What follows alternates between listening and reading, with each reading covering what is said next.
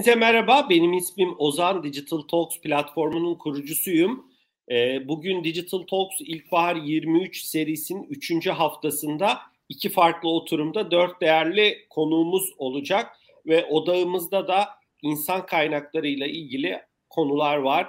E, ilk sohbetimizin başlığı dönüşen çalışma kültürü ve işin geleceği. İki değerli konuğumuz bizlerle birlikte. Ben öncelikle e, sizlere tanıtmak istiyorum. E, Miray Tanışkan, e, Unilever e, HR direktörü diyebiliriz herhalde. Miray sen tabii ki sorumluluk alanlarını ilerleyen dakikalarda daha da tanımlarsın ama ben yine de söyleyeyim e, HR Lead e, Home Care'den sorumlu.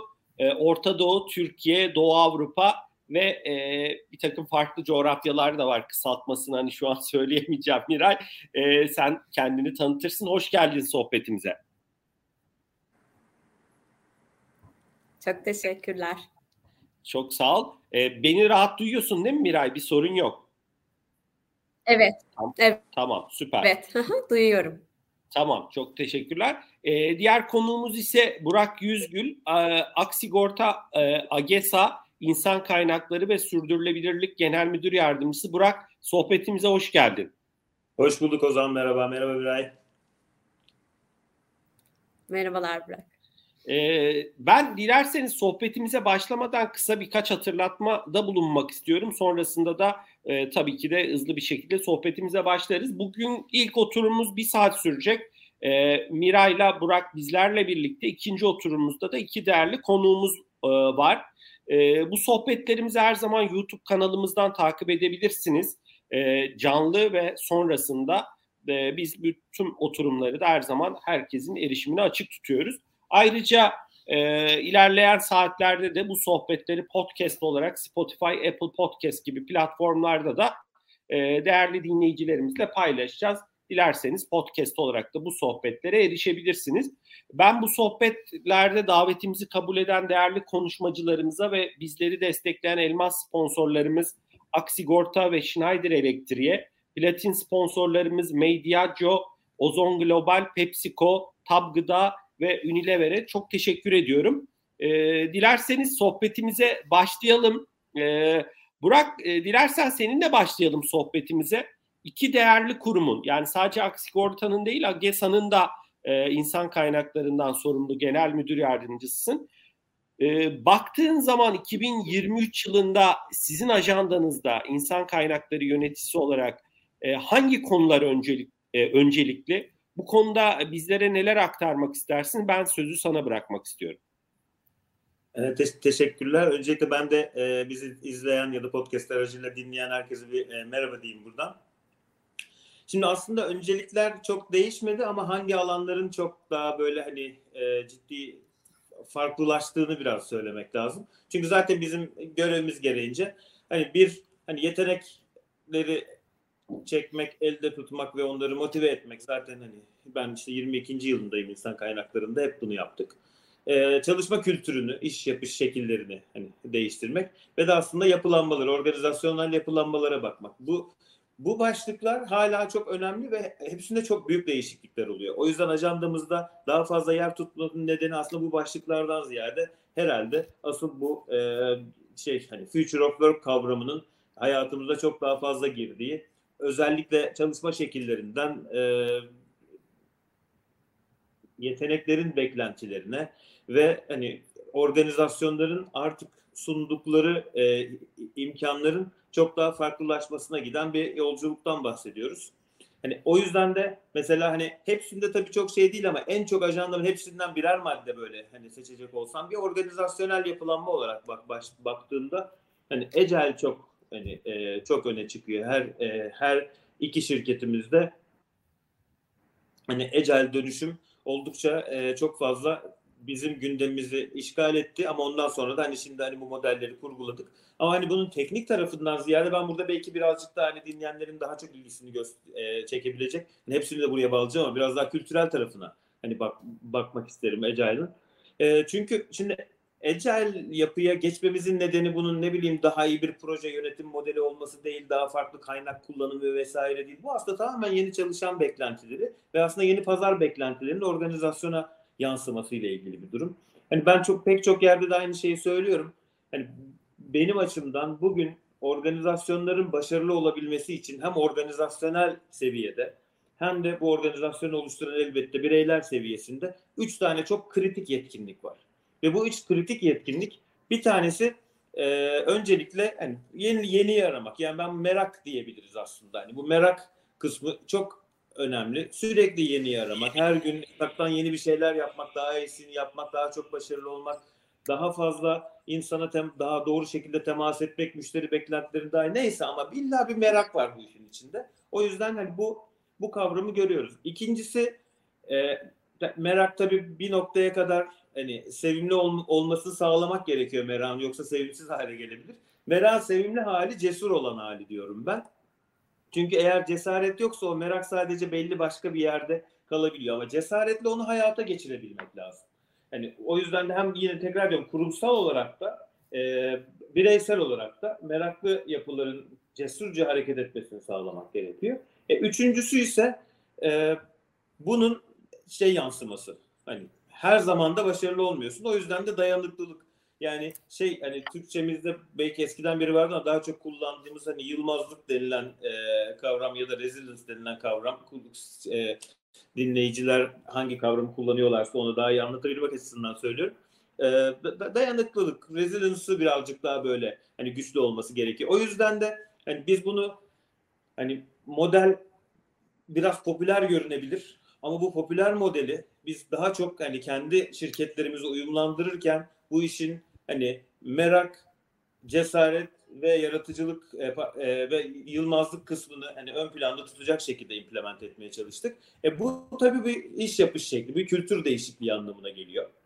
Hani organizasyonel agile'de dönüştüğünüz zaman bunun şirketin kültürü tarafından da desteklenmesi gerekiyor. Yine birçok komponenti var bunun. Biraz önce söylediğim yetkinlikler de aslında bireysel yetkinliklerden ziyade organizasyonel bir kültürün sonucu ama hani orada da en çok kafayı yorduğumuz şu hatalarından öğrenmek, hataları kabul edebilmek, hatalara kucak açabilen bir organizasyona dönüşmeye çalışıyoruz. Hani şirketin kültüründe hani hem bir yandan hani daha iyisi için müşterileri ve çalışanları ve bütün paydaşları için daha iyisini üretmeye çalışırken biraz da aslında e, bunu e, hatalardan beslenerek yapabilecek bir kültüre doğru dönüşmeye çalışıyoruz. E, üçüncü ana başlığımızda bütün bu dönüşümleri, yani sonuçta sigorta sektörü hani dışarıdan bakıldığında öyle hani herkesin şey hani liseden itibaren ben büyüyünce sigorta sektörüne gireceğim dediği bir sektör değil. O yüzden bize hangi adımı atsak yıllardır e, bu iki şirketimizde de sigorta sektörü sektörünün algısını da dönüştürmeye çalışıyoruz. Hani burada aslında hani uçtan uca bütün en son teknolojilerin kullanıldığı, insurtech diye bir kavramın olduğu, işte hani organizasyonel yapıların hiyerarşiden tamamen kopuk olarak hareket ettiği birçok şey var. Otonom takımlarla çalışıyoruz. Bunları da iyi anlatacak şekilde. Hani yetenekleri burada kendini çok iyi gerçekleştirebilecek, kendini çok duyurabilecek, istediği katkıları yapabilecek, karar mekanizmalarına organizasyon hangi seviyesinde olursa olsun, hangi takımda yer alırsa yer alsın, karar mekanizmalarında e, hiyerarşiden kopuk bir şekilde yer alabildiklerini iyi anlatmak istiyoruz. Biraz da işte üçüncü başlıkta da yani yetenek tarafında da hani sistemlerimize güveniyoruz ama bunu iyi anlatmak için de ajandamızın başında işveren markamızı güçlendirmek geliyor.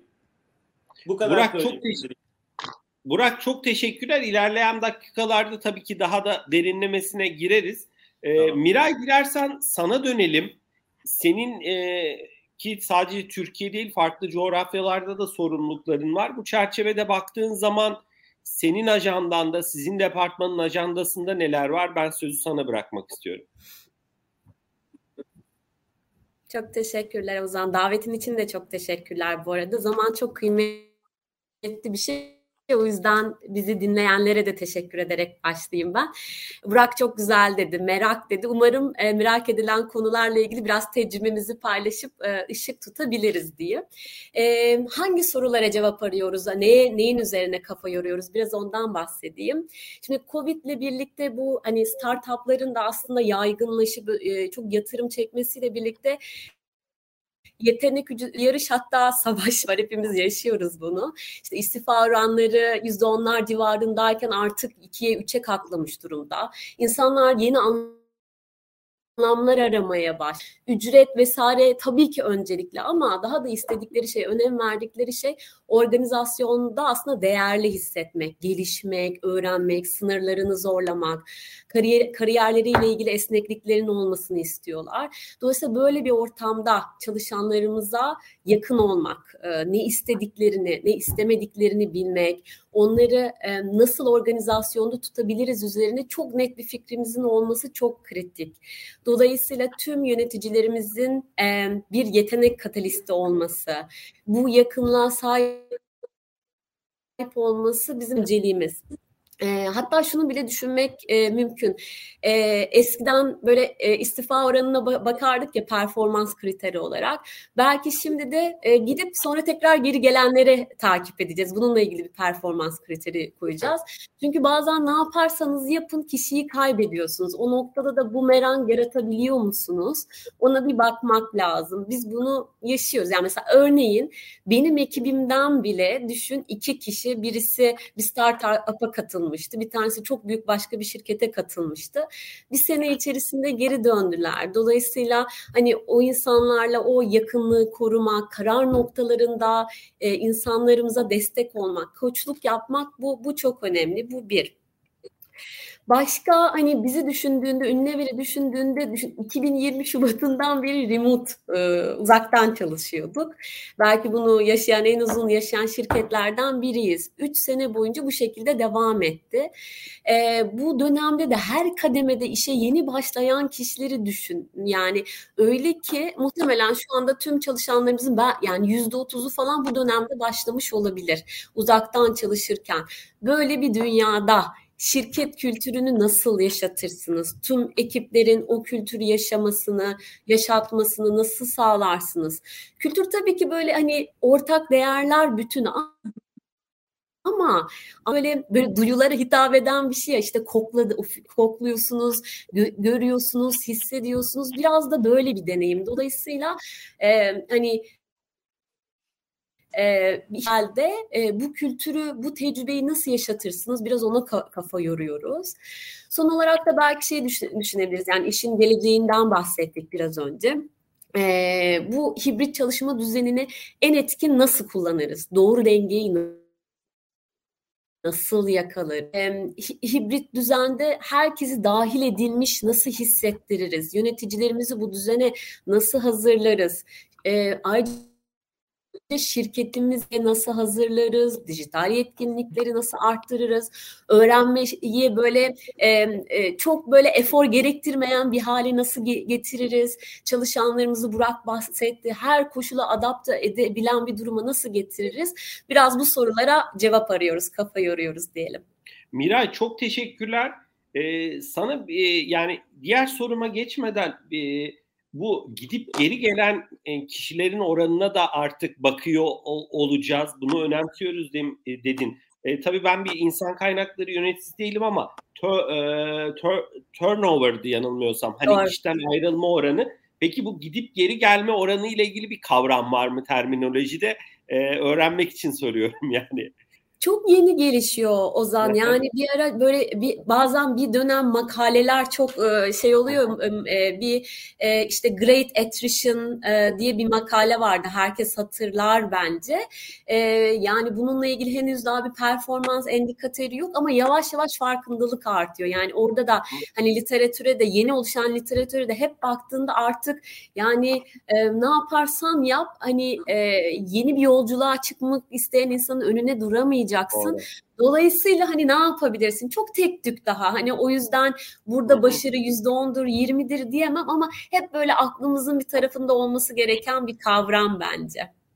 Çok teşekkürler Miray. E, ilerleyen dakikalarda konuştuğum birçok e, noktayı da daha derinlemesine konuşacağız. Ama hani şu eklemede bulunayım. Hakikaten aslında kişinin gidip orada bir tecrübe edinmesi. Örnek evet. veriyorum belki bütçeleri sınırlı bir startupta bir takım böyle bir büyük bir challenge'ın içinde oluyor olması belki orada istediğini bulamaması ya da e, yeni tecrübeler el, elde edip size geri dönmesi hani bu da e, oldukça değerli e, değerli bir e, tecrübe. E, tabii o noktada geri dönülen şirket ol, olmayı hedeflemek de önemli. O insanları kucaklıyor olmak da önemli. E, ben çok teşekkür ediyorum. Dilerseniz e, ben e, bu sorumu ikinize yöneltmek istiyorum. Miray dilersen seninle başlayalım. Sonra hani Burak'la devam edelim bu soruda. Malum e, hepimizi üzüntülere boğan bir e, deprem gerçeğiyle yüz yüze geldik geçtiğimiz aylarda. Bu arada hani bu felaketten etkilenen herkese de e, ne derler saygılarımızı iletiyoruz ve e, hani hayatını kaybedenlere de Allah'tan rahmet diliyoruz. Bu noktada e, tabii ki bu da çok ciddi iş hayatında tartışmaları beraberinde getirdi. Bir ciddi bir motivasyonu insanların uzunca süre etkilendi. İkinci nokta e, insanlar ya biz İstanbul'dayız İstanbul'da yarın bir gün ne olacak kaygısına çok düştü. Hatta e, yani e, burada e, siz sektörü çok daha iyi takip ediyorsunuz. Benim duyduğum kimi şirketler böyle hızlı bir şekilde belli çalışanlarını İstanbul dışına taşımak yönünde merkez ofislerinde aksiyon alan şirketler oldu diye e, biliyorum. E, bu noktada hani bu iki sorumu birleştiriyorum. Bir, e, bu insanların e, yani tüm çalışanların diyeyim motivasyonunu ayakta tutmak için e, insan kaynakları ekiplerine ve şirketlerin liderlik ekiplerine ne düşüyor? Bir de bu İstanbul'dan taşınma konusu yani remote çalışmaktan bağımsız bir de böyle bir konu gündeme geldi. Bu iki e, başlık için e, ne söylemek istersin Miray? Sonra Burak'ın e, değerli görüşlerini alalım. Tabii. Yani zor, hakikaten zor bir konu. Ben biraz kendi tecrübemizden e, bahsedebilirim burada. Yani üzerine düşününce aslında bizim böyle motivasyonla ilgili bir konumuz, ajandamız ya biz bunu nasıl yaparız diye bir endişemiz olmadı. Hani düşünüyorum şimdi neden olmadı? Çünkü çok büyük bir kriz de öyle değil mi? Hani biz ne yaptık? Liderler nasıl davrandı? Şirketin yönetim ekibi ne yaptı diye düşünüyorum öncelikle her şeyi bir kenara bıraktı. Yani hemen bir kriz ekibi kuruldu. Her gün günde iki kez 2-3 saatlik toplantılar yapıldı, aksiyonlar alındı. Mesela bir örnek vereyim. E, lojistik direktörümüz bütün bu süreçte çok kritik bir rol oynadı. İşte iç yardım dolu tırları yönlendirdi, lojistik yetkinliklerimizi bölge için kullandı vesaire. Ama ne yaptı? Hemen böyle ekibini toplayıp şöyle dedi. Dedi ki arkadaşlar ben bütün işi size bırakıyorum. Ben tamamıyla odamı bölgeye destek vermeye odaklayacağım. Size güveniyorum dedi ve bütün operasyonu bıraktı. Şimdi düşün yani böyle bir ekibin içerisinde olduğumuzu düşünelim. Yani dört elle sarılmaz mısınız işte? Tüm yetkinizi fazlasını kullanmaz mısınız? Dolayısıyla yani her şey bu anlamda operasyon anlamında iyi çalıştı. Ama tabii ki yani bizim de bölgede bir grup çalışanımız, daha büyük bir ekosistemimiz vardı. Tabii ki onlara ulaşmak, ihtiyaçlarını karşılamak için her şeyi yaptık. Böyle hemen bir gün içerisinde elimizde böyle bu kişilere günlük iletişim kurabileceğimiz, ihtiyaçlarını anlayabileceğimiz bir yazılım yazdık e, tahmin edersiniz depremden etkilenen e, kişiler ailelerin yakınlarını bırakıp hiçbir yere gitmek istemedi, terk etmek istemediler bölgeyi. Bizim de o anda yapabileceğimiz en iyi şey muhtemelen orada olduğumuzu hissetmek. Yani o insanların yanında böyle durmak bile bir, bir, bir destekti. E, her türlü yetkinliğimizi kullanarak gerçekten yardımcı olmaya e, çalıştık. Her gün sorduk neye ihtiyaç olduğunu. Yani günlük hayatınızı idame ederken neleri kullandığınızı düşünün. Her şeyi temin etmeye çalıştık çalıştık. Tabii tüm bunlar olurken o zaman bir taraftan da genel müdürümüz e, bütün şirketle dijital ortamla e, yani yüz yüze bütün gelişmeleri paylaştık. Kişi kişi takip ettik ve tüm herkesin de ne yaptığımızdan e, tüm şeffaflığıyla haberi vardı. Hemen ikinci gün mesela şeflerimiz gidip bölgede çorba dağıttı. E, depo yönetim yetkinliğimizi kullandık yardımcı olmak için yani düşünelim beraber hatırlayalım. O günlerde herkes çırpınıyor bir şeyler yapabilmek için. Bireysel olarak bir sürü şey yaptı ama hiçbirini yettiğini hissetmiyorsunuz ki. Herkes böyle daha fazlasını yapmak istiyor. Böyle bir ortamda siz de şirketinizden yani böyle her gün ne planladığınızı duyuyorsunuz ve şirket size diyor ki eğer bölgeye gitmek isterseniz bir orada sorumluluğunuz varsa bizi haberdar edin. İşinizi dert etmeyin. Bu Bence yani ben yapıyorum, ne işe yarıyorum, ya bu lokma boğazımdan geçecek mi, acaba şu kafamı koyduğum yastığı hak ediyor muyum diye hepimizin kafasından düşünceler geçiyordu ya. Çok büyük güç kaynağı oldu o dönemde. E, neden? Çünkü böyle anlarda insanlar biraz kendilerinden büyük şeylere tutunmak istiyorlar. Yani Tüm bunlar oluyor bir taraftan hani e, ama siz yine de şöyle düşünüyor olabilirsiniz yani ne güzel bir şirketteyim işte yardım ediliyor. Bütün şirketler yani can hıraş bir şeyler yapmaya çalıştılar. İyi bir şirkette çalışıyorum ne şanslıyım ama ben ne yapacağım? Yani benim Miray olarak faydam ne diye bir soru işareti oluyordu. Böyle bir ortamda biz dedik ki bakın bütün bunları sindirebilmek için zamana ihtiyacınız varsa yöneticinizle konuşun. Neye ihtiyacınız varsa. Tam da bu anda e, tüm markalı bütçelerini deprem bölgesinde nasıl kullanacaklarını planlarını paylaşmalarını istedik. İşte OMO kullanılmış plastikten ürettikleri oyun e, parklarını deprem bölgelerinde nasıl açacağını, Domestos okul hijyen programı nasıl yoğun oralarda kullanacağının planını yaptı. Şimdi yani bu ekiplerin bir parçası olduğunu muzu düşünelim. Motivasyondan söz etmeye gerek var mı? Yani hani şanslıyız ki markalarımız çok kuvvetli. Hepsinin bir hayat amacı var böyle büyük büyük konuştukları. Düşün tam böyle yapıyorum ne faydam var diye düşünürken bunlar oluyor. Ya da işte bir lider çıkıyor ve diyor ki arkadaşlar yani ben de sizin gibi hissediyorum ve yani her anımı sorguluyorum. Ama ben kendim için anlamıyorum tanımı şöyle bul. E, tabii ki bir takım sorumluluklarınız var finansal olarak işte üst kademelere, bölgeye, globale vesaire. Onun ötesine geçtiğimiz her bir TL'yi diyor ben deprem bölgesine aktaracağım diyor. Şimdi o andan sonra e, yani kendinizden çok daha büyük bir şeyin parçasısınız. İşte bu yüzden motivasyonu ayrıca düşünmedik. Düşünmedik diyorsun ve e, burada biraz da son tüketiciye dokunan e, birçok değerli markanızın olmasının da etkisiyle sonuçta oradaki projelerinizi, mevcuttaki ajandanızdaki projeleri e, ağırlıklı olarak e, deprem bölgesinde e, ne yönelik revize et, ettiniz. Zaten bu da çalışanlarınızı hani motive etti diye algılıyorum ben Miray. Son olarak çok kısa Burak'a dönmeden bu yani İstanbul'un dışına taşınmayla ilgili size talep geldi mi? E, bu konuda çok kısa yorumlarını alabilir miyim? Tabii. Çok soruldu bu e, forumlarda. E, çok soruldu. E, şey hibritten konuşurken de muhtemelen detayına gireriz ama biz zaten orada çok büyük esneklik tanıdığımız için mevcut sistemde benim ekibimden mesela bir arkadaşım var Ankara'da oturuyor.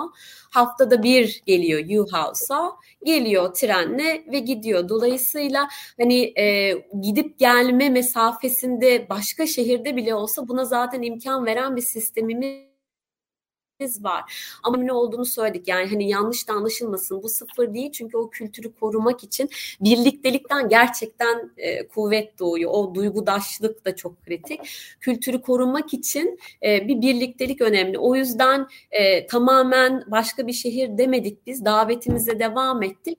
Ama mevcut sistemimiz buna da izin verdi. Bunu şunun güveniyle de yaptık. E, U-House'u yenilediğimiz için o kadar eminiz ki Allah korusun hiç olmasın. Ama e, muhtemel bir İstanbul depreminde nerede yakalanacağımızı bilemeyiz ama şunu söyledik. Burada yakalanırsak buradan buradan eminiz dedik. Dolayısıyla Anladım. ikisiyle yönetmeye çalışıyoruz. Miray dediğin gibi bunu biraz daha e, bir sonraki soruda hibrit çalışma, çalışma şeklinin dönüşümünde konuşalım. Burak ben sana dönüyorum. Tabii sigorta sektörü de yani e, bu işin e, herhalde e, en önemli bacaklarından bir tanesi e, hani Miraylar için şey dedim FMCG son tüketiciye dokunuyor ama sigorta sektörü de tabii ki e, çok önemli bir e, unsur diyebiliriz bu tip felaketlerde. E, az önce yönelttiğim konularla ilgili neler söylemek istersin? Yorumların ne olur? Tamam. Ee, yani üç başlıkta bunu ilerletmek isterim. Birincisi hani deprem esnasında biz çalışanlar ve çalışanlar daha sonraki hani moral motivasyonları ne olduğu hani e, bir konuşalım. Tabii hani yine hani zaten bütün şirketler bence kriz yönetimine çok alışkınız. Yani e, sadece hani pandemi vesaire değil. Bence bir 20 yıldır hani her türlü duruma adapte olduğumuz için hani çok hızlıca yani hareke, harekete geçtik ve bütün şirketlerde olduğu gibi yani öncelikle bizim o bölgede 160 tane çalışanımız, 250-300 tane acentemiz, onların çalışanları vesaire büyük bir ekosistem var. Aynı zamanda biz tabii hani depremde şunun avantajını da yaşadık. Biz büyük bir gruba bağlı olmamızın, Sabancı grubuna bağlı olmamızın avantajını yaşadık. Çünkü hem lojistik anlamda hem o bölgedeki pek çok enerji yerleşkesiyle ne bileyim işte hani otomotiv yerleşkesiyle hani e, çok fazla orada oralı bir bir şey topluluğuz zaten biz yani Adana'yla da başka köklerimiz de var. Dolayısıyla hani hem çalışanlarımıza hem de topluma orada destek olmak açısından e, çok hızlı hareket edebildik. Herkese ulaşıp onları işte bölgeden tahliye olmak isteyenleri tahliye edip istedikleri yerlerde istedikleri otellere yerleşip. Yani ilk iki gün aslında Mazlo'nun ihtiyaçların hani en altına odaklandık. Öncelikle bütün çalışanlarımızın ve birinci derece ailelerinin e, barınma, beslenme, sağlık gibi ihtiyaçlarının karşılandığından emin olduk. Tabii ondan hemen sonra e, oradaki arkadaşlar ve de uzaktaki arkadaşların oraya yapmak istedikleri yardımlarla ilgili organizasyonları. Bazılarını kendi içimizde, bazılarını Sabancı grubunun e, bütün gücüyle. Yani herkes bir şey yapmak istiyordu biliyorsunuz. Yani hepimiz bir şey yapmak istiyorduk. Böyle hani ne olursa olsun orayla ilgili bir bir temas edelim istiyoruz işte. Ama mesela şunu da yaşadık. Yani ben bizim enerji şirketimiz var orada ve hani çok yakın arkadaşlarımız var orada çalışan. Hani arayıp dedim ki atlayıp geliyorum dedim. Gelme dert olursun başımıza dediler. Onu da yapamıyorsunuz. Öyle de bir durum var. Dolayısıyla burada işte hani bunu karşılayacak bu, bu rahatlığı sağlayacak şekilde çalışanlarımıza işte hani büyük süpermarket zincirimiz var sonuçta grubumuzda ve onların bütün depolarında Sabancı topluluğu çalışanları gece gündüz çalışıp orada böyle kişiye özel koliler yaptılar. İşte tek tek orada da rahat dağıtılabilecek. Yani buradaki bütün orada harcanması gereken iş gücünün hepsini buradan yapıp buradaki lojistik aile beraber ilerledik. Ama tabii bir noktadan sonra hani oradaki arkadaşların psikolojisini yönetme ihtiyacı doğdu. Tabii ki işte hani yine herkesin yaptığı psikolog, psikiyatri desteklerini vesaire verdik. Biz bir de şunu yaptık. Senin neyin diye bir uygulama başlattık. Hemen bu merkezden e, yönetim ekibinde orada herkesi işte bütün oradaki 160 çalışanımızla peerladık. Hani hepsi onların body'si oldu ve hani ne zaman isterlerse sadece duymak, dinlemek belki onların hani şey hani uzaktan da olsa omuzlarında ağlayacakları bir yapı kurmaya çalıştık. İşte bunların eğitimlerini verdik. Ee, sonra İstanbul depremi konuşulmaya başladı. Bunu biraz diğer iki konuyla hani birazcık da bağdaştıracağım. Sonra İstanbul depremi konuşulmaya başladı. Tabii bir olası bir Marmara depreminde bizim etkilenecek çalışan sayımız 2000'e yakın burada. Yani bütün onların bütün aileleri, yakınları vesaireyle beraber bir 8 bin tane insanın e, hayatından sorumlu hissediyoruz kendimizi. Hani bununla ilgili bütün şeyleri, bütün hani işte eğitim, bilinçlendirme, ihtiyaç duyabilecekleri destek, hani e, şeyi fark ettik. Bizim deprem senaryolarımız vardı. Biz bir sigorta şirketiyiz. Yani sigorta şirketlerimizden riski yönetmek bizim işimiz. Bütün hepsiyle ilgili senaryolar vardı. Ee, ama kendi şirketimizde deprem olduğunda ne yaparız ne yaparız senaryoların aslında biraz romantik olduğunu fark ettik. Yani onların çok daha böyle kat kat daha güçlü senaryolar daha kötüye alıştırmamız gerektiğini fark, fark ettik. Bütün iş sürekliliği ekibimiz bütün bu senaryoların üzerinden geçti. Ee, şu anda neyin ne yapacağımız konusunda çok daha hani bilinçliyiz. İşte hangi ekipmanları hangi depoda tutuyoruz. İki yakalı bir yer İstanbul. Köprünün ne durumda olacağı belli değil. O yüzden artık iki tane e, lojistik merkezimiz olmalı. Depremde hayata geçireceğimiz falan bunlara baktık. Ama bir de dedik ki hani bence aldığımız biraz önce o zaman sen dedin ya hani bazı şirketler hızlı karar aldı dedin. Bence biz hani e, hızlı karar alabildik aynı bir ayın söylediği gibi biz zaten çok uzun zamandır çalışanlarımıza hatta böyle biraz da böyle hani oranlarla yöneterek yani her departmanın merkezi İstanbul'da bile olsa her departmanın bir %10'unun minimum ve ortalamada da %25'in İstanbul dışında e, çalışmasını önemsiyorduk. Çünkü artık dijital tool'lar her türlü e, karşımızda hayatımızda. Ama e, şimdi bunu biraz daha arttırdık ve dedik ki artık biz şirketler olarak tek merkezli ve de çalışanları İstanbul dışında çalışabilen şirket olmayalım. Biz üç merkezli bir şirket olalım dedik. İstanbul, Ankara ve İzmir'de. Tabii ki bunların hem deprem hem siyasi hem başka e, doğal afetlerle beraber gözden geçirerek İstanbul, Ankara ve İzmir'de yerleşkelerimiz yani aslında genel müdürlük ofislerini kuralım dedik. İzmir'de bunun inşaatına başladık. Hatta yaz sonu itibariyle bu geçecek. İzmir'de çok çalışanımız var zaten. Onları artık merkezi olarak bir genel müdürlük ofisi olarak çalıştırabilir duruma geldik. Bir sonraki adımız Ankara'da. Ankara'da da yine özellikle hani oranın mesela depreme göre daha az etkileneceği için teknoloji üstünü Ankara'ya taşımayı planlıyoruz ve birçok çalışanımızı Ankara'da hani görevlendirmek istiyoruz. E, benim ekibimden de depremden hemen sonra 3 kişi İstanbul dışına taşındı. Yani çok hızlı da aksiyon aldılar. Ee, özellikle teknolojiden sorumlu iş ortağı arkadaşımızı Ankara'ya yerleştirdik. Çünkü yakında Ankara'da burada daha büyüme olacak. O yüzden de bu hani tek merkezden 3 merkezli şirkete dönüşme konusunu e, netleştirdik ve bunu biraz daha eskiden biraz daha hani gönüllülük esasıyla yapıyorduk. Şimdi hem departmanların belli oranlarda oralarda bulunmasını sağlayıp herkese de bir dual e, rol verme planımız var. Yani bunları çalışıyoruz alt, alt detayda. Herkesin olası bir deprem anında depremin olduğu lokasyona göre o B planına geçip hani belki İstanbul'da burada ne bileyim herkese bir para gerekecek ama belki hani insan kaynaklarında bu işi yapabilen biri olmayacak. Bizim Ankara'daki insan kaynaklarındaki arkadaşım bir düğmeyle herkese e, para gönderebilecek. Bütün bu yedek e, rolleri tanımlamaya çalışıyoruz. Bizi e, hani olası depremde umuyorum o kadar büyük olmaz ve bu kadar katastrofik sonuçları olmaz ama olursa o döne en kötüye hazırlanacak şekilde de bir rol dağılımını yapıyoruz.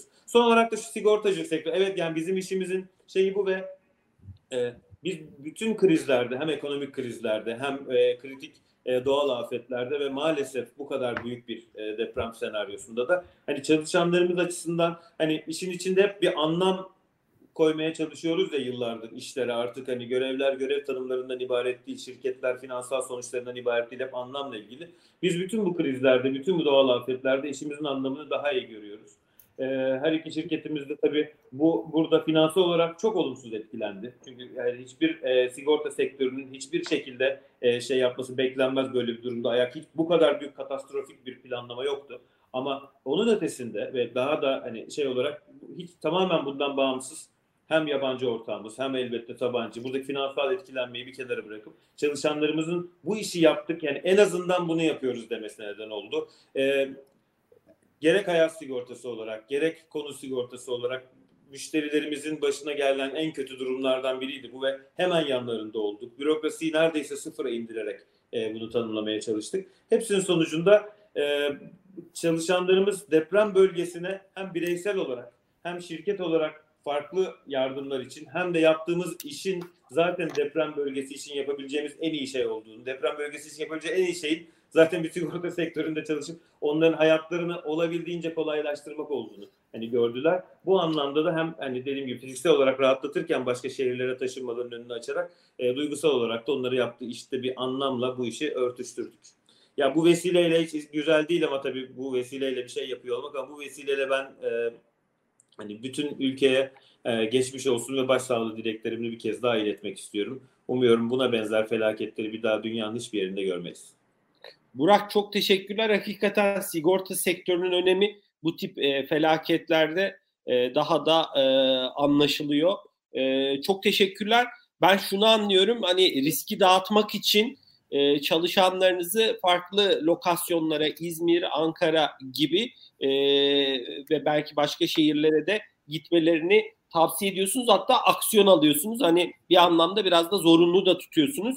E, bu aslında hani İstanbul'daki e, nüfus yoğunluğunu düşündüğümüz zaman, trafik yoğunluğunu, biraz da hayat pahalılığını düşündüğümüz zaman e, aslında farklı şehirlere e, umarız sizin yaptığınız gibi farklı şirketler de bu tip aksiyonları alırlarsa hem e, Anadolu'da farklı coğrafyalardaki yaşam e, seviyesi belki insan kaynağının e, niteliği artar hem de İstanbul biraz daha yaşanılabilir bir hale gelir. O anlamda da çok hani önemli gelişmeler. Dilersen Miray sana dönelim. Sen yani bu soruyu aslında ben ikinize yönlendirmek istiyorum.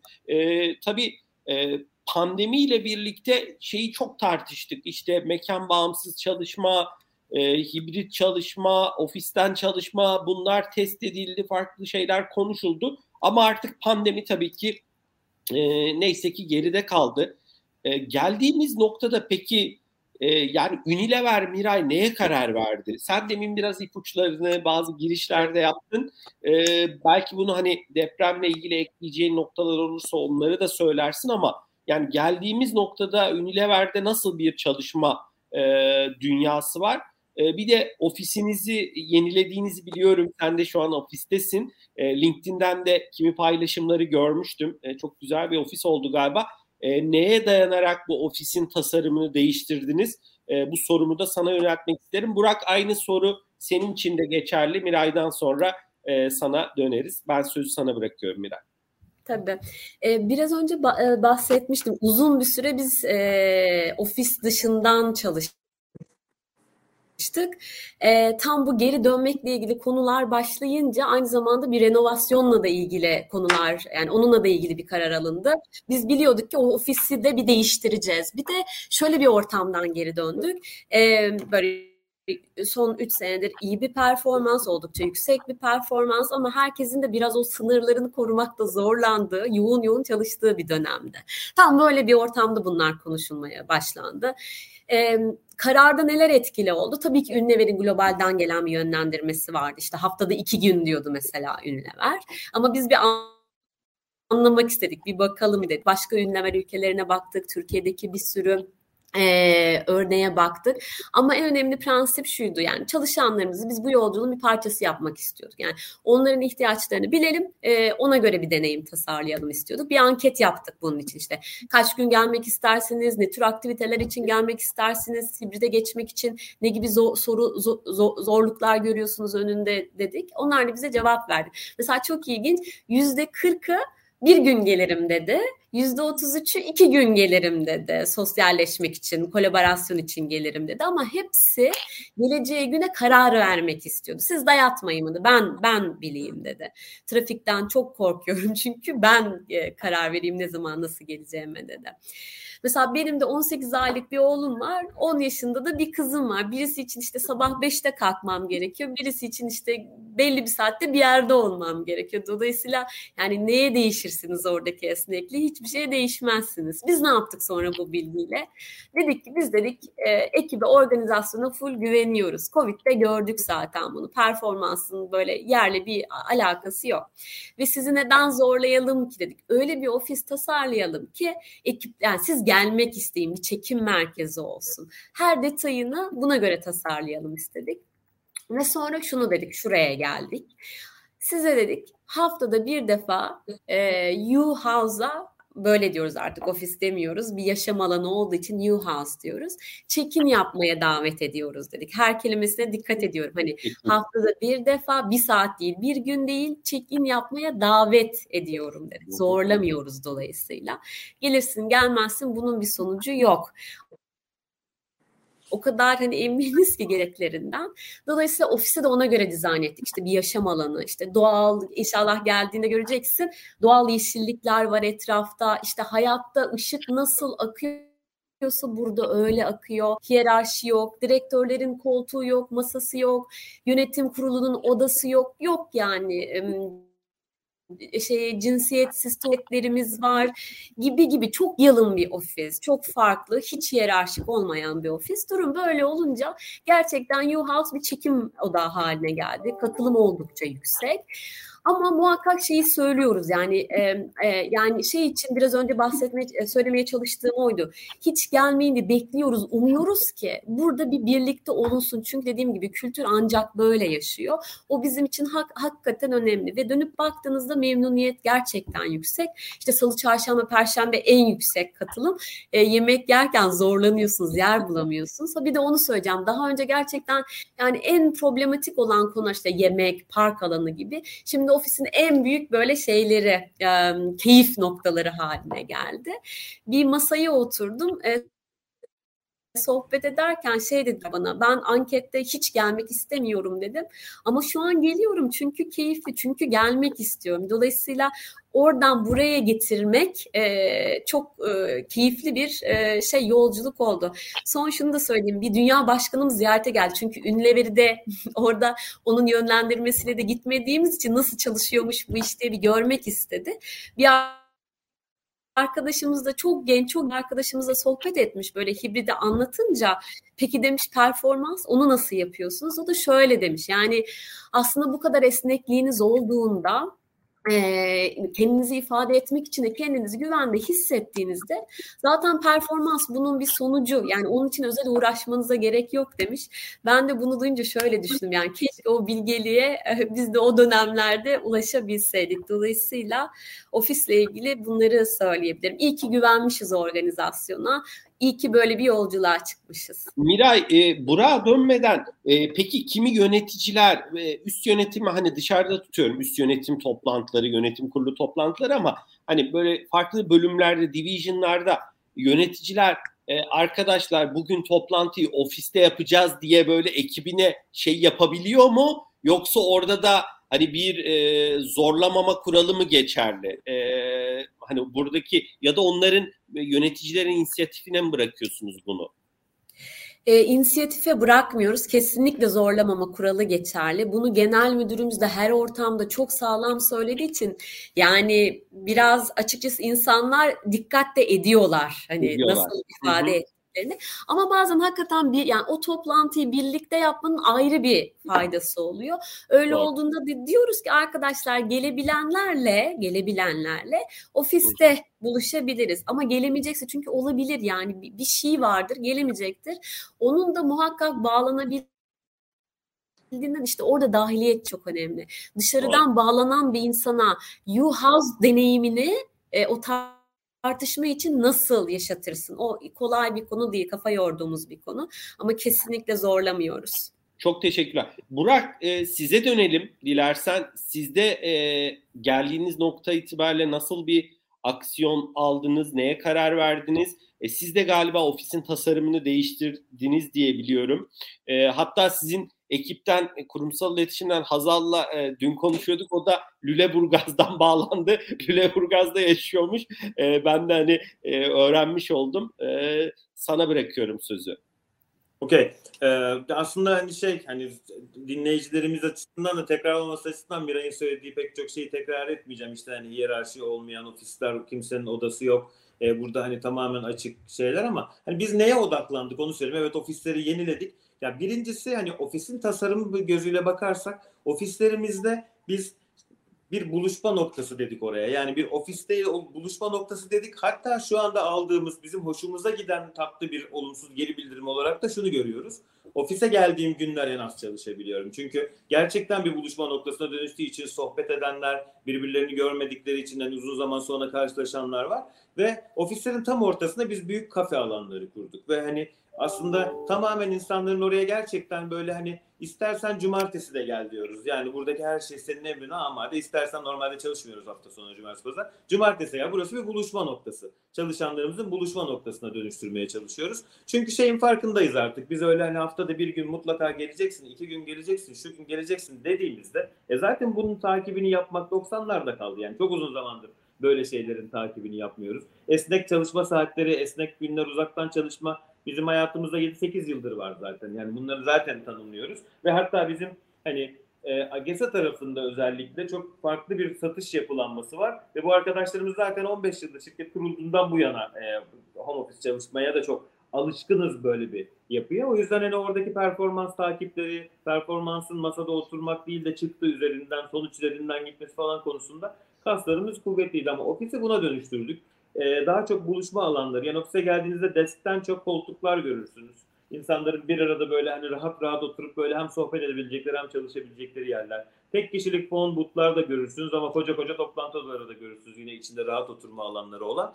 Ee, bizim amacımız burada çalışanlarımızın gelip o sosyalliği sağlaması. Çünkü yine aynı yere döneceğim böyle e, şey gibi dönüyorum ama yani aslında bir şirketi şirket yapan şey o onun içindeki anlam insanların oraya yüklediği e, mana ve aslında onun sonucunda oluşan kültür.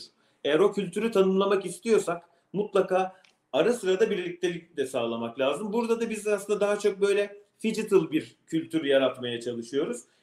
Standartlarımız yok ama işe yeni başlayanların daha sık ofise gelmelerini istiyoruz. Orada o kültürü görsünler diye. Ama çok deneyimli arkadaşlarımız isterlerse 3-4 ay gelmeyebiliyorlar. Bizim 1 Mayıs'la 1 Ekim arası eğer İstanbul dışında çalışma tercih etmeseniz bile o dönemde İstanbul dışında çalışabiliyorsunuz. Yani işte hani yazdıkları olanlar var veya başka şekilde onu değerlendirmek isteyenler var. O yüzden temel bir kuralımız yok. Haftada bir gün gelirseniz iyi olur ve biz bunun için sizin elimizden geleni yapıyoruz diyoruz. Onu söyleyeyim. Orayı çok keyifli bir hale getirmeye çalışıyoruz. Ama bu anlamı da yakalamak için de işte bu digital ortamları kullanıyoruz. Ofise dijit gelse bile ofisteki bütün imkanları önceden dijital olarak tasarlayabildikleri ya da hani toplantıları mesela biraz önce sordun o zaman bence o çok değerliydi. Biz oradaki konuyu ilk bir ara şey yaptık ama orada da teknoloji çok güzel tool'lar geliştirmişti şu durumda. Atıyorum 10 kişilik bir toplantının 6 kişisi ofiste yan yana 4 kişisi farklı farklı şehirlerde ise rahatlıkla böyle sesini duydum, kameranı açtım, burada yankı yaptı falan demeden kullanılabilecek kamera sistemleri var artık. Toplantı odası dizaynları var. Bunların hepsini kullanmaya çalışıyoruz. Bunu, bunu tanımlıyoruz. Ee, bir de burada belki hani vurgulayabileceğim e, far, farklı bir konu da yine hani dijital kolaborasyon tool'larının kullanımını özellikle hani biz 2020'nin bu e, şeyin başından itibaren, pandeminin başından itibaren pek çok tool var. O tool'lardan bazılarını seçip onlarla beraber çalışmayı istiyoruz. Çünkü hem ecel çalışmalarda hem günlük rutin toplantılarda bunların hepsine dokunmalarını istiyoruz. Ee, o, o anlamda kendimizi, yetkinliğimizi geliştirmeye çalışıyoruz ve iyi seviyede olduğunu düşünüyorum şirketlerimizde. Bir de toplantıların niteliği itibariyle de seçiyoruz. Hani o soruyu bana da yöneltecek miydin bilmiyorum ama hani sen şey Miray'a sorunca aklıma geldi hani şey biz ne yapıyoruz acaba diye. Şöyle bir tanım yaptık biz toplantılarda. Yani benzer bir statü güncelleme toplantısı, bir bilgilendirme toplantısı, ne bileyim bir e, Stirko, proje Stirko'su bunlar online olabilir. Herkes online katılabilir. Ama bir e, beyin fırtınası toplantısı olduğu zaman onu mutlaka yan yana olmasını istiyoruz. Eğitimler tasarlıyoruz. Bir ürün eğitimi ise, sistem kullanım eğitimi ise ya da ne bileyim bir Excel eğitimi ise bunu online yapmamız gayet verimli oluyor. Hatta daha verimli oluyor. Çünkü herkes bir noktada bilgisayarın başında hiç zaman, yol falan zaman kaybetmiyor. Ama bir liderlik eğitimi konuşuyorsak bunu mutlaka yüz yüze yapmak istiyoruz. Çünkü orada o temas çok daha farklı oluyor. Yani tamamen böyle insana 360 derece gördüğünüz zaman gerçekten o duyguyu, davranışı anlıyorsunuz. Satış eğitimlerimiz yine aynı şekilde bunları yüz yüze yapmaya çalışıyoruz. Yani bunu yönetmeye çalışıyoruz. Bu şirketin kültürüne, DNA'sına işlemeye başladı. Yani hangi adım yüz yüze yapılır, hangi adım hibrit yapılır, hangi adım hiç gerek yok yüz yüze yapmaya hem maliyet hem e, çevreye verdiğimiz e, şey e, zarardır arabayla herkesin ofise gelmesi, evde kal yap gibi bir mantıkla bunu ilerletiyoruz. E, bunları söyleyebilirim. Genel yaklaşımımız bu bizim. Çok çok teşekkürler. Çok teşekkürler Burak. Ee, yani. Burada hani gerekli durumlarda da e, yan yana gelmenin e, yaratacağı sinerjiyi de önemsiyorsunuz. Burada şu vurgu da önemliydi. E, çalışan deneyimini arttırmak için bu dijital işbirliği tool'larını, araçlarına da e, tabii ki uygun olanlarını seçiyorsunuz. Biz de hepimiz de YouTube'da falan böyle reklamlarını da böyle videolar öncesinde görüyoruz zaten. Onların da dünyada sayısı oldukça fazlalaştı. Hatta böyle onunla ilgili kimi komik klipler falan da var. O kadar fazla tool var ki hani hangi birini çalışan öğrenecek ama tabii ki sizler içlerinden bazılarını seçiyorsunuz. E, bu arada e, biz Burak Miray'la böyle bu sohbet öncesi biraz e, WhatsApp'tan yazışmıştık. E, ben aslında ilerleyen dönemlerde sizin ofisi de bir ziyaret etmek istiyorum. Mirayların ofisi de. Hatta şöyle bir şey de yapabiliriz. Bu sohbeti e, şu an dinleyen ve ilerleyen günlerde dinleyecek olan ve sizin ofisinizi e, benimle birlikte ziyaret etmek isteyecek belki 4-5 arkadaşımızı da e, bir gün hani onları da dahil edip bir gün ofisinize gelebiliriz. E, bu konuda hani e, şeye açığız. E, sizin ofisinizi ziyaret etmeye, e, Burak kahvenizi aynı şekilde Miray çayınızı kahvenizi içmeye açığız yani onu söyleyebilirim. Ben de şimdiden davet edeyim elbette hem Miray hem sen hem de hani seninle beraber gelecek bütün dostlara hani kapımız açık dediğiniz gibi kafemizde ağırlamaktan ve hani bir e, ofis turu yaptırmaktan çok mutluluk duyarız. Mutlaka haberleşelim. Tamam. E, Miray muhakkak Unilever ofisine de gelmek iste. Kesinlikle. E, şöyle yapalım. E, bilgi.digitaltalks.org adresine ya da LinkedIn'den bana yazarsa arkadaşlarımız e, Haziran ayında e, tabii ki sizlerin de takvimine uyacak şekilde bir gün e, sizlerin e, merkezinde buluşuruz, geliriz, kahvenizi içeriz. E, hem de böylece yüz yüze tanışmış da oluruz, sohbet etmiş de oluruz. E, dilerseniz e, bir 12-13 dakikamız var. E, sohbetimize devam edelim. Malum e, Miray burada sana yönelteyim bu soruyu. Sonrasında da Burak'ın e, değerli yorumlarını alırız. E, malum yapay zekayı çok fazla konuşuyoruz. İşte chat GPT, e, farklı ülkelerde farklı regülasyonlar, bu noktada işte işin telif hakları konusu ki bunu ilerleyen dönemde Digital Talks'ta tartışacağız yapay zekayı. E, tabii ki bu noktada e, otomasyon, sizin kullandığınız farklı teknolojiler bu noktada baktığın zaman hani bir İK yöneticisi olarak çalışanların e, yeteneklerinin geliştirilmesi, upskilling, reskilling konularında neler yapıyorsunuz? Hakikaten bu önünüze çıkan ciddi bir ihtiyaç mı? Bir de tabii ki sizin Unilever olarak globalde ve Türkiye'de fabrikalarınız var. Bu fabrikalarda çalışan ustalar var, teknisyenler var. Yani sadece ofislerdeki e, beyaz yaka çalışanlar yok. Doğal olarak Buna nasıl bakıyorsunuz Miray? E, çok kısa yorumlarını alabilirsen sevinirim. E, bu arada hani vaktimiz e, 12 dakika olduğu için yaklaşık hızlı hızlı ilerleyebiliriz. E, hani birkaç sorum daha olacak çünkü ben sözü sana bırakıyorum. Tabii. Ee, yani şöyle Ozan, e, bir tane hemen hikayeyle başlayayım o zaman. E, sonra hızlı toplayayım. Geçenlerde e, çok üst kademeden bir dünya liderimiz buradaydı. Şöyle dedi, bir finans sektöründe kuruluşlar olacak. Konuşmayı ChatGPT'de bir hazırlıyor. Sonra onun çok büyük kısmını kullanıyor. Sonra diyor ki yani ya ben fazlayım ya o fazla. Dolayısıyla durum böyleyken e, hakikaten e, şey bir başka bir türlü bakıyor olmak lazım. İşte Burak başlangıçta çeviklik demişti, merak demişti, öğrenme arzusu demişti. Bunların hepsinin çok önemli yetkinlikler olduğunu unutmuyor olmak lazım. Hemen bizim benim işime gelelim mesela. Yani ne yapıyoruz işte e, bir proje var. Onun onun ne tür e, yetkinlikte tecrübedeki insanlara ihtiyacı var? Ne yapıyordum ben? E, kim nasıl gruplar var? Onların nasıl tecrübeleri var? İkisini e, linklemeye çalışıyordum. Ama şimdi bunu AI yapıyor. Hani ben ne yapabilirim? Dolayısıyla burada AI'ın yapamadığı inovasyon, daha böyle yaratıcı süreçler önem kazanıyor.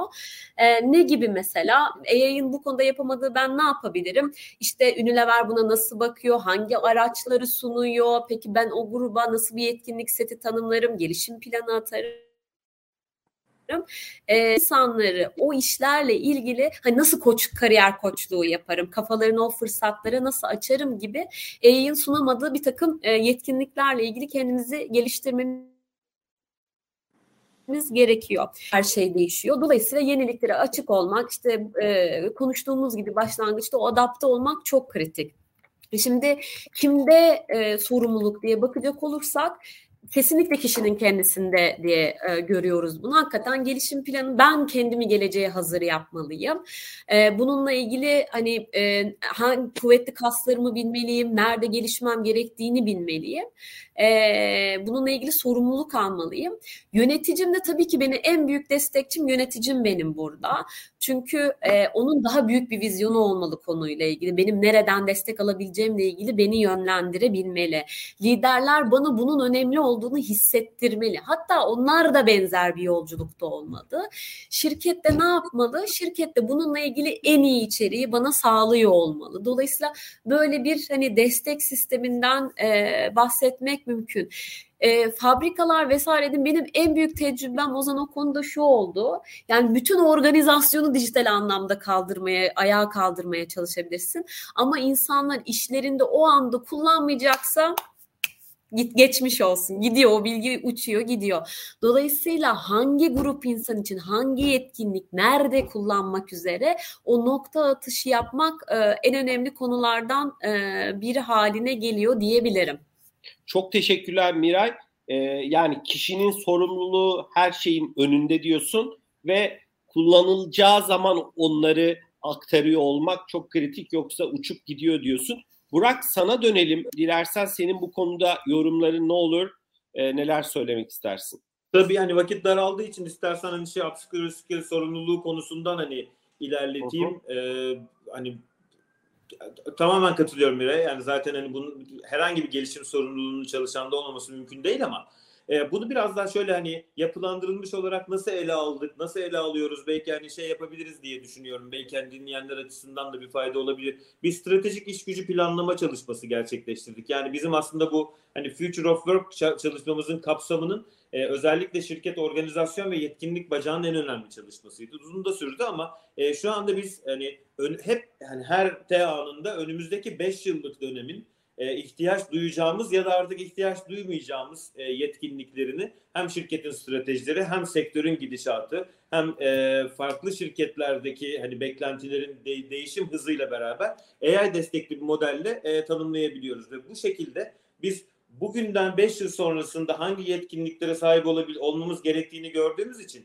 oradaki hani e, ihtiyaç duyduğumuz artık yetkinliklerine ihtiyaç duymayacağımız çalışanların upskill skill yatırımlarını şimdiden 5 yıllık perspektifte planlayabiliyoruz.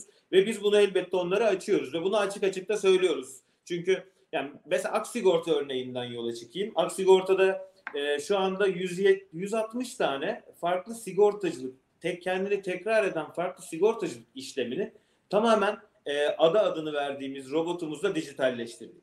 Ve bu bize yılda 370 bin saat. Bu da yaklaşık 163 kişilik bir iş gücü tasarrufu sağlıyor. Ama Aksigorta son 5 yılda çalışan sayısını azalttı mı? Hayır. Çünkü bu bize büyüme için heyecan veriyor ve çalışanlarımızı eskiden yaptığı yani en temel örnekle gideyim bir veri girişi işi varsa bir müşteri dosyasının artık onu bizim robotumuz yapıyor. Ama onu yapan robot olduğu için şimdi o arkadaşımız biz daha farklı alanlarda özellikle bunu önceden görebildiğimiz için bir yıllık iki yıllık eğitim programlarıyla farklı alanlara yetiştirebiliyoruz.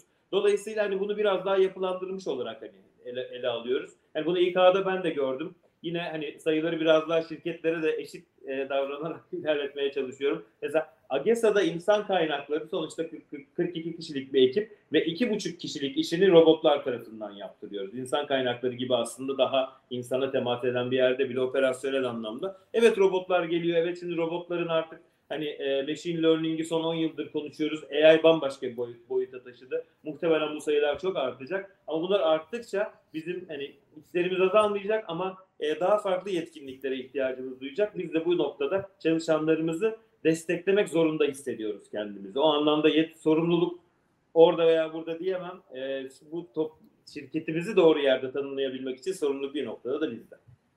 Çok çok teşekkürler e, Burak. E, son hani bir soru sorayım. E, sonrasında da sizin e, hani kapanış cümlelerinizle, yorumlarınızla bu keyifli sohbeti kapatırız. E, ilerleyen dönemlerde de umarım tekrar görüşürüz. Farklı konuları de, derinlemesine konuşuruz.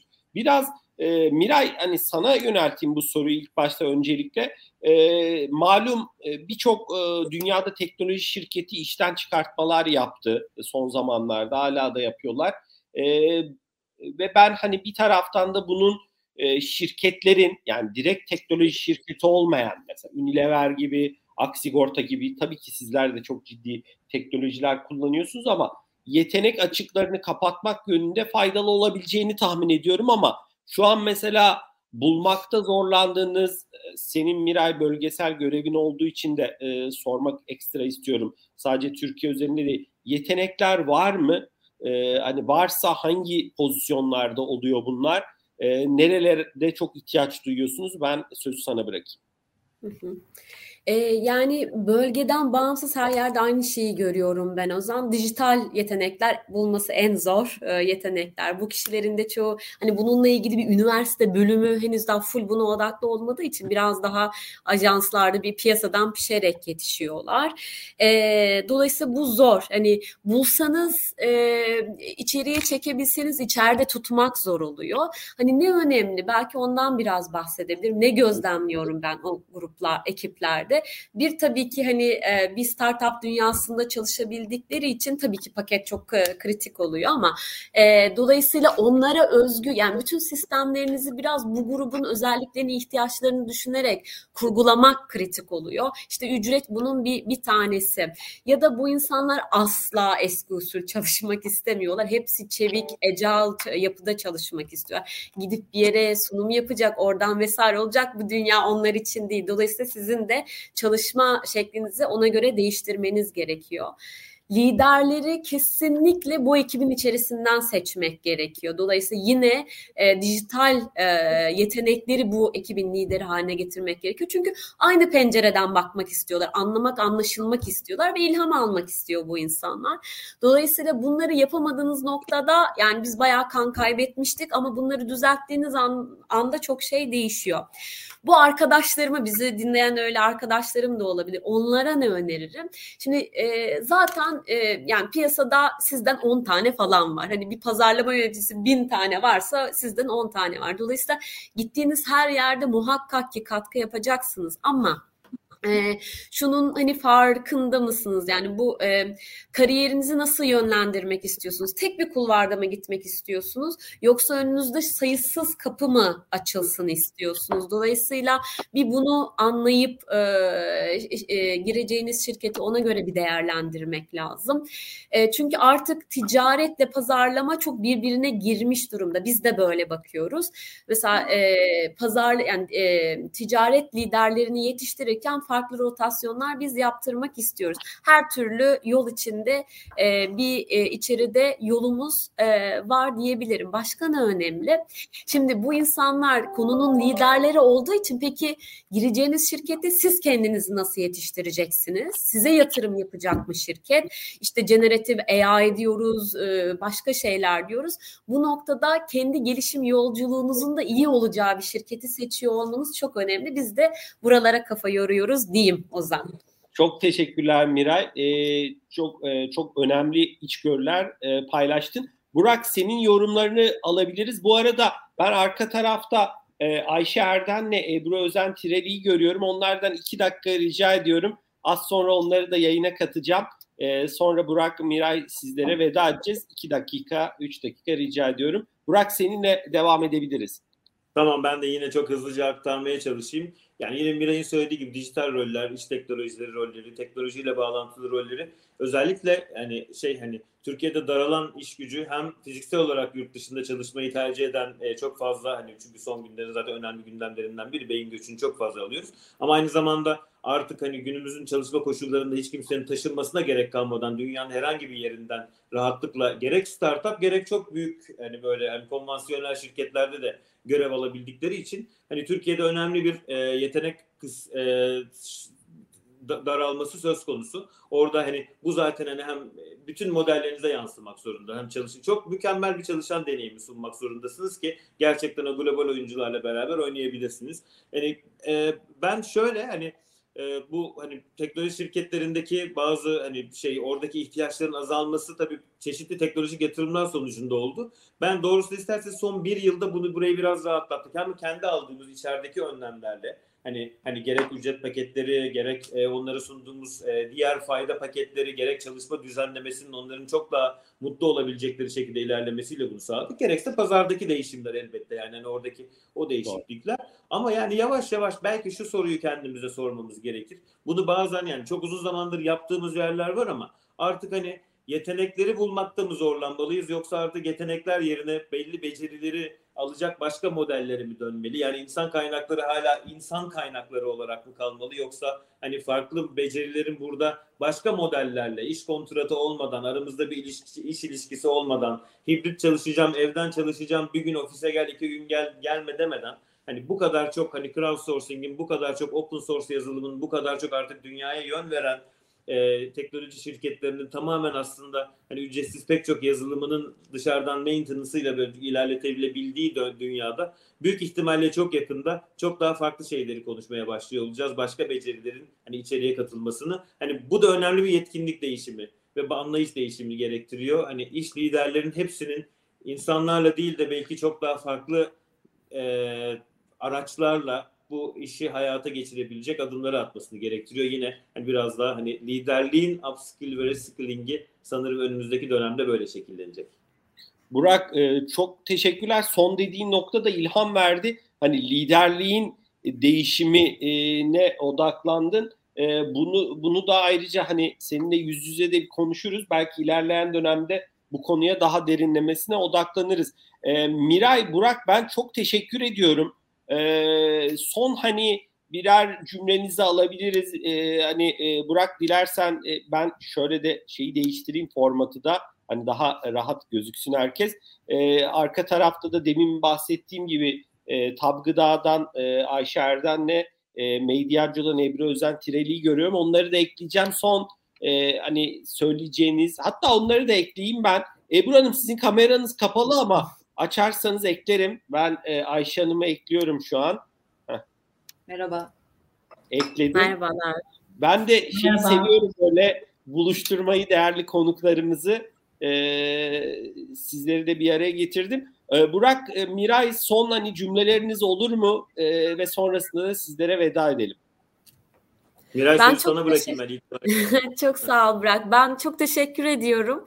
Ee, daveti davetimiz de baki. O zaman hemen onu bir daveti çevir. Hem buradaki ekibi hem dinleyenlerimizi. Ee, belki daha uzun, daha derin bir sohbet için o zaman Newhouse'a bekliyorum. Çok teşekkürler. Çok teşekkürler Miray. Muhakkak e, geleceğim ve hani ilgili kişilerle de gelmeye çalışacağız. E, ben çok teşekkür ediyorum değerli paylaşımlar için. Ben de çok teşekkür ederim. Çok keyifli bir sohbetti. Ama belki şöyle eleştirel bir soruyla, e, hani eleştirel bir soru, soru olan bir şeyle hani sizi baş başa bırakayım. Hani işimiz başlığı şey ya dönüşen çalışma ve işin geleceği. Konuşurken hep şunu düşündüm ya evet işin geleceğiyle ilgili hep bir sürü şey yaptık, konuştuk falan ama aslında çok da işin geleceği değil. Maalesef işin geleceğini değil. O kadar hızlı gidiyor ki işin bugününü konuşuyoruz hep. Yani biz aslında gelecekte olacak şeyler başımıza geldikçe bunları yapıyoruz. Umarım şöyle bir hani gerçekten işin geleceğini konuşabildiğimiz zamanlar olur ama hani sanırım değişim hızı bizim geleceği konuşmamızın önüne geçiyor gibi görünüyor. Ama çok keyifliydi bunları konuşmakta. Şöyle bir dönüp neler yaptık bizi bugüne hazırlayacak şeklinde konuşmak çok keyifliydi. Eminim ki şimdi Ebru ve Ayşe ile bunu dinlemek de çok keyifli olacak. Sağ olun. Görüşmek üzere. Çok çok teşekkürler Burak değerli paylaşımların için. Ee, ben ikinize de çok teşekkür ediyorum. Güzel bir gün diliyorum. Görüşmek üzere. Görüşmek üzere. Çok teşekkürler. Hoşçakalın.